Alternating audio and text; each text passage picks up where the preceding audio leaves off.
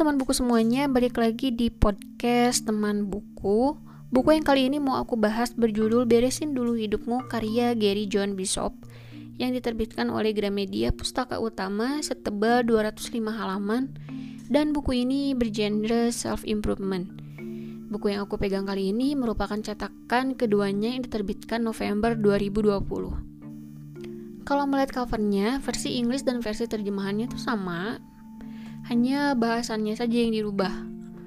Aku mengira kenapa covernya harus foto telapak tangan ya, karena mungkin karena ingin mengatakan kepada pembaca, stop, stop berpikir negatif, ayo benahi dirimu dengan membaca buku ini. Di awal bab aku diajak untuk mengenali diri sendiri, bahwa monolog yang terjadi di otak kita itu amat sangat wajar – namun, jika terus-terusan bermonolog negatif justru akan berdampak buruk seperti timbulnya kecemasan. Dan di awal bab aku dikenalkan dengan apa itu asertif dan cara memakai buku ini. Selanjutnya aku diperkenalkan dengan kalimat asertif yang akan membantu kita mengubah pikiran kita yang tadinya negatif menjadi tindakan positif. Nah, penulis juga mengatakan kalau hal itu tidak akan semudah membalikan telapak tangan tapi kalau kita mau berusaha, kalimat asertif ini akan ada gunanya. Kalimat asertif yang pertama, aku bersedia. Kesediaan adalah keadaan di mana kita bisa terlibat dengan hidup dan melihat suatu situasi dari sudut pandang yang baru. Dalam kalimat asertif pertama ini, penulis memberitahu kalau saja aku bisa mengatakan aku bersedia menjalani hari-hari menyebalkan di hidupku, hidupku lambat laun akan terasa tidak begitu berat, lebih bebas dan lebih santai daripada sebelumnya karena dalam pikiran sudah tertanam mindset aku bersedia hidup seperti ini. Nah, dalam banget kan ya. Terus yang kedua, aku hidup untuk menang. Nah, ini sebenarnya setiap manusia sudah diprogram untuk menang. Contoh umumnya yang biasa jadi masalah human being adalah soal hubungan manusia. Saat kita bertemu dengan pria tampan yang rasanya kita banget, otak kita akan mulai mengatur strategi bagaimana caranya agar kita bisa memacarinya dan ya berhasil dia jadi pacar kita. Artinya kita menang dong. Walaupun pada akhirnya harus kandas karena who knows dia ternyata tukang selingkuh, ya kan? Tapi di sini penulis mengatakan coba deh ubah pola strategi kamu. Kamu udah di program untuk menang kok. Kamu udah menangkan cowok ini dan ternyata cowok ini selingkuh, ya carilah tujuan baru dan menangkan lagi. Dan yang ketiga, aku bisa. Semua orang punya masalahnya masing-masing. Tapi gimana sih caranya agar kita bisa terbebas dari masalah itu? Sebenarnya tidak akan bisa karena saat masalah satu beres akan timbul masalah lainnya. Tapi dengan kalimat asertif ini setidaknya kamu bisa mengendalikannya, kamu bisa menangani dan menghadapinya. Karena itu sih sebenarnya yang lebih penting, ya kan? Yang keempat, aku merangkul ketidakpastian. Semua hal di dunia ini tidak pasti. Tidak ada yang pasti tahu kamu ke depannya seperti apa. Kalau kamu bisa menerima semua ketidakpastian ini, maka semua itu tidak akan semenakutkan seperti sebelumnya karena kamu sudah siap menghadapi kemungkinan-kemungkinan yang akan terjadi nanti. Dengan ini kamu bisa menghindari kecemasan. Yang kelima, aku bukanlah pikiranku, aku adalah tindakanku. Ada satu kuat yang aku suka dari bab ini. Kita menjadi adil dengan melakukan tindakan yang adil, tenang dengan melakukan tindakan yang tenang, berani dengan melakukan tindakan yang berani.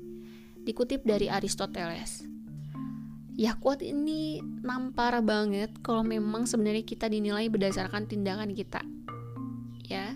Apa pun yang ada di pikiran kita selama hanya kita yang tahu ya itu. Karena tindakan kita yang akan dinilai sama orang-orang.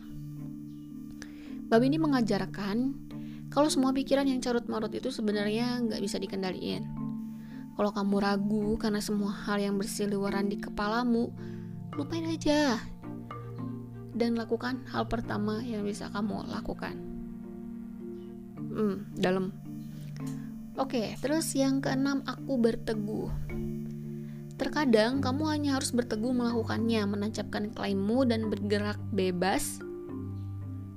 Oh sorry, bergegas bergerak untuk mendapatkan apa yang kamu inginkan. Dikutip dari halaman 152. Saat kita memiliki suatu tujuan, kita hanya perlu berteguh. Pasti akan banyak orang yang mengatakan hal negatif hingga membuatmu berpikir itu mustahil. Tapi kamu gak usah nyerah, gak usah dengerin, kamu yakin aja, berteguh, lalu kejarlah tujuanmu. Dan yang terakhir, aku tidak mengharapkan apa pun dan menerima semuanya. Berhentilah melakukan semua hal menyebalkan yang kamu tahu seharusnya tidak kamu lakukan, dan mulailah melakukan semua hal menyebalkan yang seharusnya kamu lakukan. Dikutip dari halaman 165. Kalimat asertif terakhir ini memang agak membingungkan sih. Tapi setelah dibaca dua kali begini, menurut pemahaman aku adalah sumber kekecewaan setiap orang sebenarnya berawal dari ekspektasi. Masih bingung nggak? Coba pikirin deh terakhir kali kamu marah terhadap seseorang dan tulis apa sih menurutmu yang seharusnya terjadi dan apa sih yang sebenarnya terjadi. Nah, yang menurutmu seharusnya terjadi adalah ekspektasi kamu, sumber kekecewaan kamu.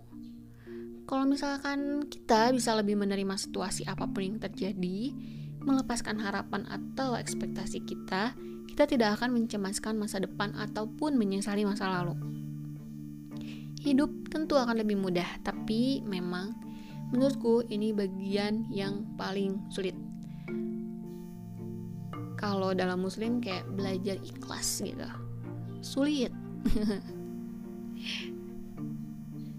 Oke, hal-hal yang aku suka dari buku ini. Yang pertama itu terjemahannya enak dibaca menurutku. Terus kalimat-kalimat asertifnya juga menurutku disusun dari yang termudah hingga yang tersulit dilakukan. Ada banyak quote bagus juga buat memotivasi diri. Jadi setiap uh, halamannya itu pasti ada quote. Setiap buka halaman baru bab baru itu pasti ada quote. Di setiap kalimat asertifnya itu pasti ada quote-nya. Jadi si quote-quote ini bagus banget buat memotivasi diri sekaligus buat caption Instagram atau Twitter kalian ya. Oke bercanda oke sekarang yang tidak aku suka. Yang tidak aku suka dari buku ini um, nggak ada sih. Sejauh ini aku nggak ada yang dibilang nggak suka. Karena dari bahasa si penulisnya juga enak ini kan terjemahannya kali ya. Terjemahannya itu enak banget jadi kayak ngobrol ke temen gitu. Terus eh, kalimat-kalimat asertifnya juga pada ngena banget jadi cuma tinggal di praktekin aja. Tapi ya gimana ya kadang kita baca buku motivasi baca buku self improvement tapi pas dipraktekin ada aja yang miss kayak gitu. Tapi ya it's okay. Yang penting uh, bukunya ini bermanfaat. Terus mungkin suatu saat juga kita bakalan baca lagi aku bakalan baca lagi mengingat kembali dan mungkin meng me apa ya meng oke okay, skip melakukan apa yang harus dilakukan atau dipraktekkan dari buku self improvement yang aku baca gitu. Aku kasih bintang 4 buat buku ini. Dan ini direkomendasikan bagi orang-orang yang setiap hari bergumul dengan pikiran negatif yang menimbulkan kecemasan dan paling parah kecemasan ini tuh bisa menyebabkan sulit tidur dan berpengaruh kepada temperamen.